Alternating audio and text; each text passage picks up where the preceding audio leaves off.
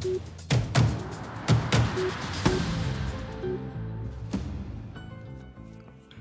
er kald, men så hører du musikk. Tonene fra House of Cards fra en åpen dør. Spinndoktorens varmestue tar imot med åpne armer.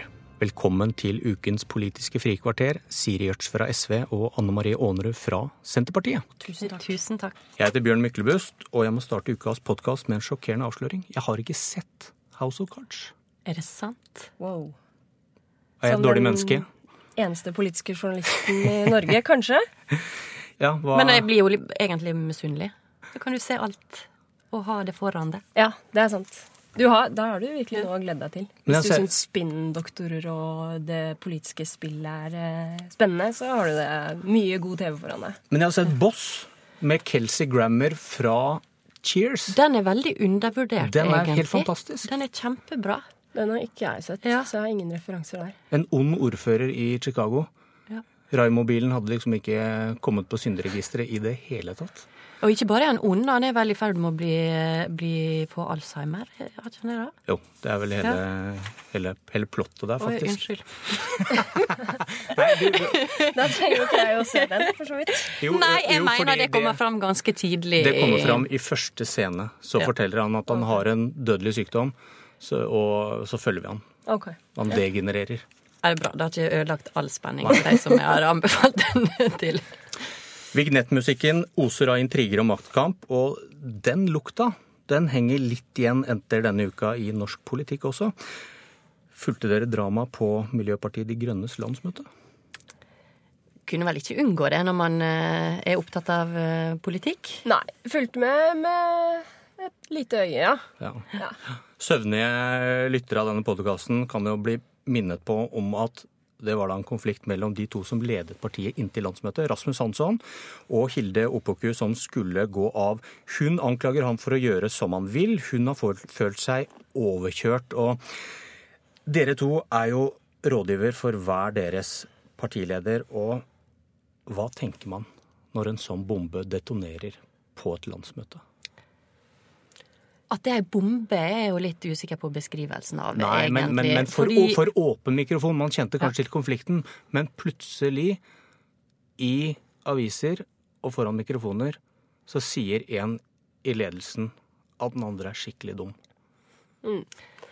Det er jo liksom, Jeg tror alle som er i, har vært i liksom toppen av et politisk parti og jobba tett med de som er i ledelsen av et politisk parti, de kjenner seg nok igjen litt i den der skuffelsen som alle føler når landsmøtet, som jo er liksom høydepunktet i det politiske året og Man har drevet og planlagt det ganske lenge. Du får, du får en myk pakke.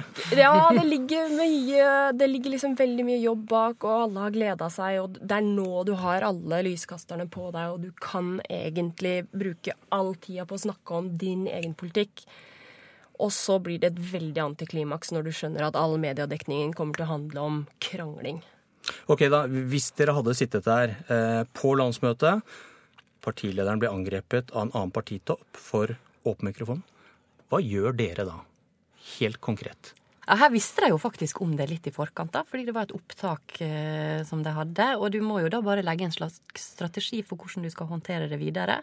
Eh, det fikk jeg jo følelsen av at de, de hadde gjort eh, i forhold til den, de, den talen som eh, Rasmus Hansson hadde rett i ettertid, og det som kom ut i mediene, der han eh, jo sa at han er ikke perfekt, eh, og, og, og at liksom, han skal ta lærdom av ting. Så det var jo håndtert sånn sett. Altså jeg tror jo Det viktigste er jo egentlig bare få eh, Få det unna på et eller annet slags vis, da. Uh, og det klarte de jo ikke helt i MDG i helga. Men dere setter dere ned med partilederen deres, og så må man tenke over skal vi svare? Skal vi slå tilbake? Ja. Jeg tror, altså, det viktigste altså Mye av jobben som rådgiver den handler jo egentlig om at vi skal planlegge sånn at ikke partilederen vår får veldig uforutsette hendelser som dukker opp. eh, Og at det ikke skal bli så mye stress. Det er egentlig noe av det viktigste vi gjør. Og mens sånne situasjoner som den som oppsto på MDG sitt landsmøte nå, det er jo en sånn type ting du ikke, vanligvis ikke kan planlegge for. Det kommer som en overraskelse. Og jeg tenker at det aller viktigste da, eh, det er at vi hjelper partilederen til ikke stresse. Det å, ikke, altså, det å rett og slett puste med magen og få litt eh, ta seg litt tid til å tenke gjennom hva gjør jeg nå. Ikke handle på impuls. For, det, for impulsen rent menneskelig er kanskje at nå har jeg lyst til å fortelle at det som sies, ikke er sant. Og kanskje fortelle om, noen Pauli-ord om akkurat hva den andre egentlig er. Svar tilbake med samme mynt. Ja. Hva, hva, skjer, hva skjer da hvis man gjør det? Hvis man gir etter for den innskytelsen, som ofte kan være den første, så, så risikerer man jo at dette bare drøyer ut i tid og mm. eskalerer. Eh, og da er, jo, da er, jo, muligheten for å få snakke om politikk i det hele tatt på det landsmøtet relativt eh, ødelagt. Eh, og, og, det kan drøye etter landsmøtet også ja. i tid, hvis man liksom ikke eh, håndterer det godt nok. Og så er det jo det med altså, med en gang man går inn i og skulle liksom da bruke personkarakteristikker tilbake, f.eks., så har man egentlig tapt. Man må bare snakke om politikk. Mm. Eh, og at det er det som er utgangspunktet for, for en konflikt. Da. Men uh, som du var inne på i stad, dette er jo ofte ikke ukjent for dere. Det ligger kanskje en kjent konflikt bak, og mm. alle partier har konfliktlinjer. Jeg mener Arbeiderpartiet i asylpolitikken, Venstre i alle saker. Eh, og da må man kanskje være litt var, da, hvis det er én i en fløy eller i en sak som velger konfrontasjon. For da står det mange bak der og mener det samme som den som kritiserer lederen din.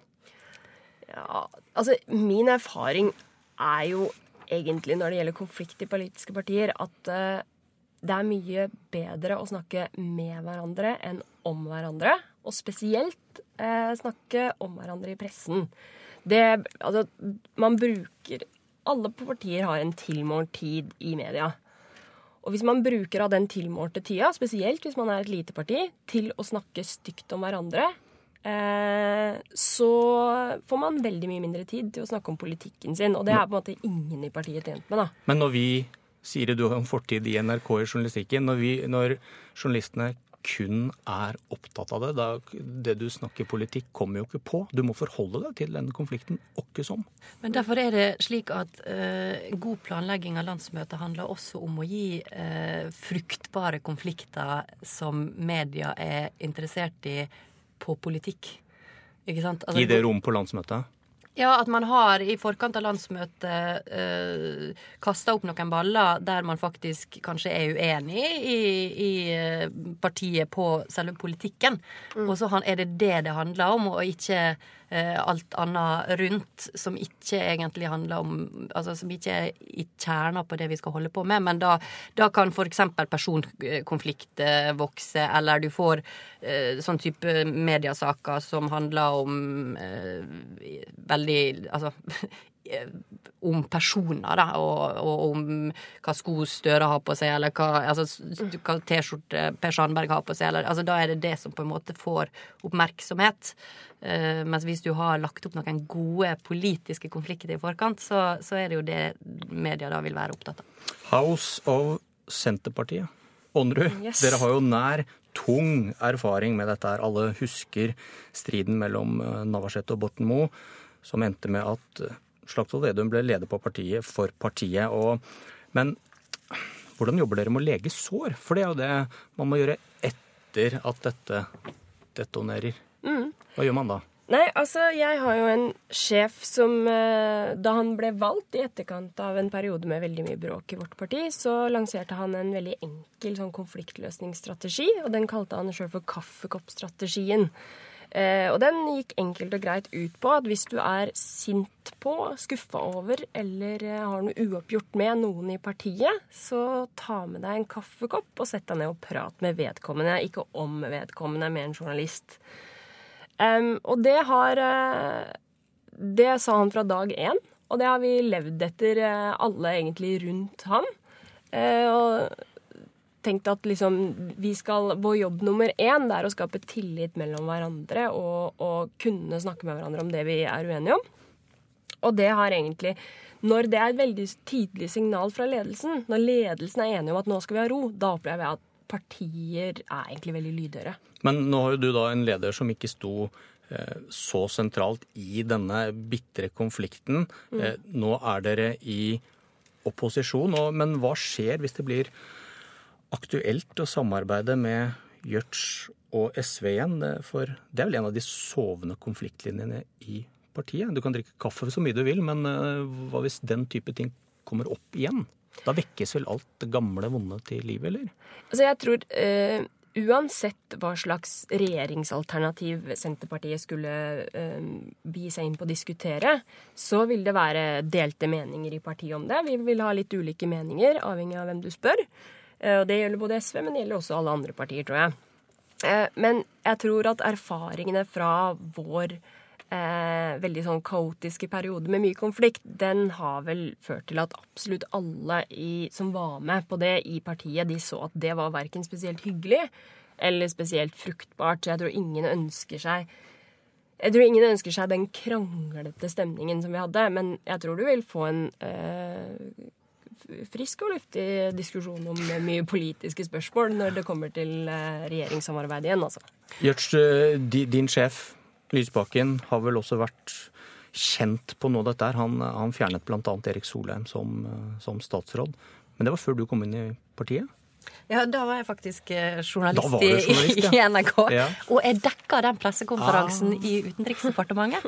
Og jeg husker at jeg syntes det var strålende, for nå var det liksom veldig enkelt og greit, og da ble det liksom Fikk jeg første saken i Dagsnytt og sånn. Jeg ser nok litt annerledes på det i dag. Men eh, går historien om hva som skjedde da, liksom i, i, i SV-gangen, er det noe man husker og minner hverandre på? Og... Nei, egentlig så er det forbilagt uh, stadium. Uh, altså det som uh, vi Altså det som Audun er veldig opptatt av som leder, er jo å ha en veldig god kontakt med tidligere politikere, snakke med dem, informere om hva vi driver med, få råd tilbake, sånne type ting. men det er klart at det er jo Altså ikke nevne navn, men det er opptil flere som, av, av, folk som forlater politikken, som jeg tenker sjøl kunne tjent på å slamre litt mindre med dørene på vei ut. Uh, for jeg tror at uh, de det gjelder, taper mer på det enn det som partiet som sitter igjen, for å si det sånn. Ja, for et eget fag på, på spinndoktorskolen burde kanskje være tidligere partiledere. Noen partiledere de trekker seg helt tilbake når de går av, mens andre kan ta en nesten sånn opposisjonell rolle.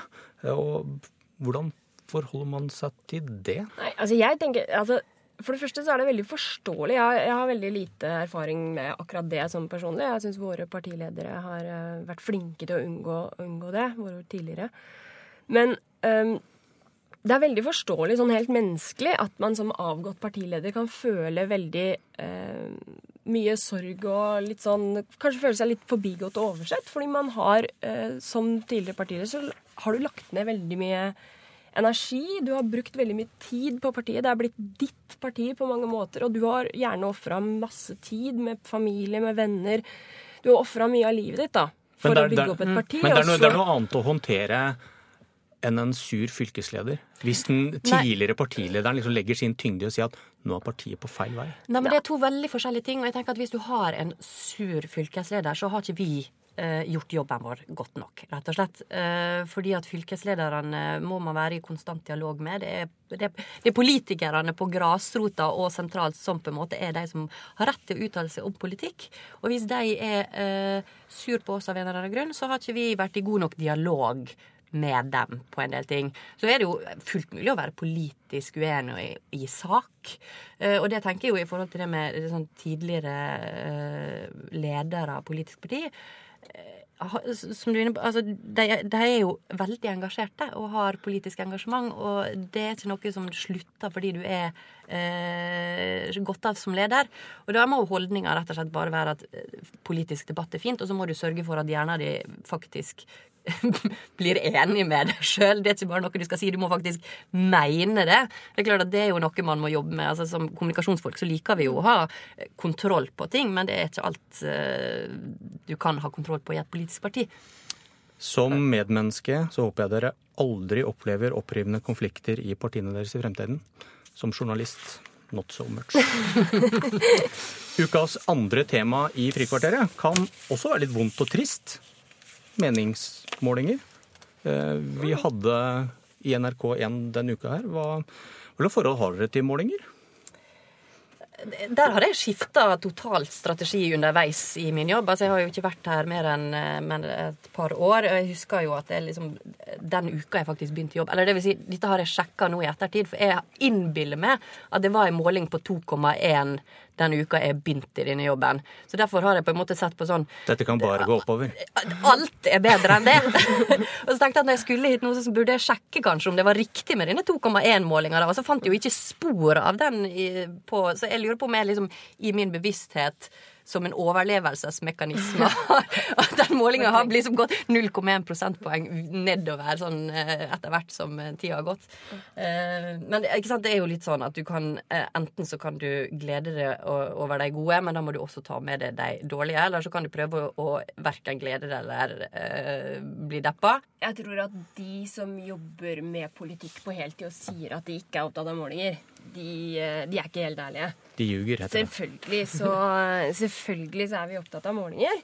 Eh, men jeg har litt sånn faktisk eh, klart å beholde liksom forholdet til meningsmålinger som en sånn forholdet til gaver. Altså, jeg er alltid spent. Jeg gleder meg alltid. Eh, selv om liksom målinger går opp og ned, så, klar, så har jeg liksom en sånn følelse at nå går det bra. Hver gang det, kvelden før ny måling, så, så gleder jeg meg liksom til morgendagens måling. da. Og så litt som gaver, så innimellom så blir man litt skuffa. Mm. Men du spurte jo om hvordan liksom, det påvirker arbeidsforhold og sånne type ting. Og da må jeg jo si at eh, for, for, min sin del så har det mer å si at eh, Brann rykka ut av cup Eh, som, som, som, jeg fikk beskjed om av en annen rådgiver her i dag. fordi at da jeg følger så lite med på fotball at jeg vet jo ikke. Jeg tror, jeg, For minner lytterne på at Audun Lysbakken er bergenser og iuga Brann-fan. Det, og, og, her forleden så, så, var han så fornøyd, fordi da hadde, da hadde Brann slått Ålesund. Eh, så, så, det første han sa når han ringte i telefonen og vi skulle snakke om noen ting, var sånn Ja, og dessuten så slo Brann Ålesund her forleden. Så, å ja, gratulerer, da. Og da liksom, fikk ikke noe mer reaksjon fra min sin del, og da ble han utrolig skuffa. Senterpartiet heier sikkert på Løten, eh, men de ble slått ut av eh, mitt lag i går veldig fornøyd med det. Hvem heier eh, Trygve Slagsvold Vedum på? Jeg tror eh, i den grad han eh, han er ikke så veldig fotballinteressert, egentlig. Eh, han, men han holder en knapp på HamKam, så vidt jeg har hørt. Ja. Så nå er det jo med fare for å kanskje liksom avsløre at jeg ikke følger så veldig nøye med. Jeg tror ikke HamKam sånn, gjør det veldig bra for de det gjelder. Nå skled vi helt ut, men SV og Senterpartiet, partiene som var nyforelsket i 2005, hadde et fornuftsekteskap lenge, nå skilt. Ga dette møtet mersmak? Ja, Kunne dere samarbeidet? Kan absolutt ja. ja. Snakke godt sammen? Ja, vi, vi, vi, altså, alle må snakke med alle nå. Eh, det viser jo den siste målinga, at eh, på vår side så må alle snakke med alle og sørge for at vi gjør det. og vi må ta og jobbe for å gjøre det best mulig, for hvis vi skal ha flertall, så må vi stå på. Har dere fått varmen i kroppen? Fått varmen, absolutt. Da kan dere gå. Og takk for at dere kom. Takk for det. Takk.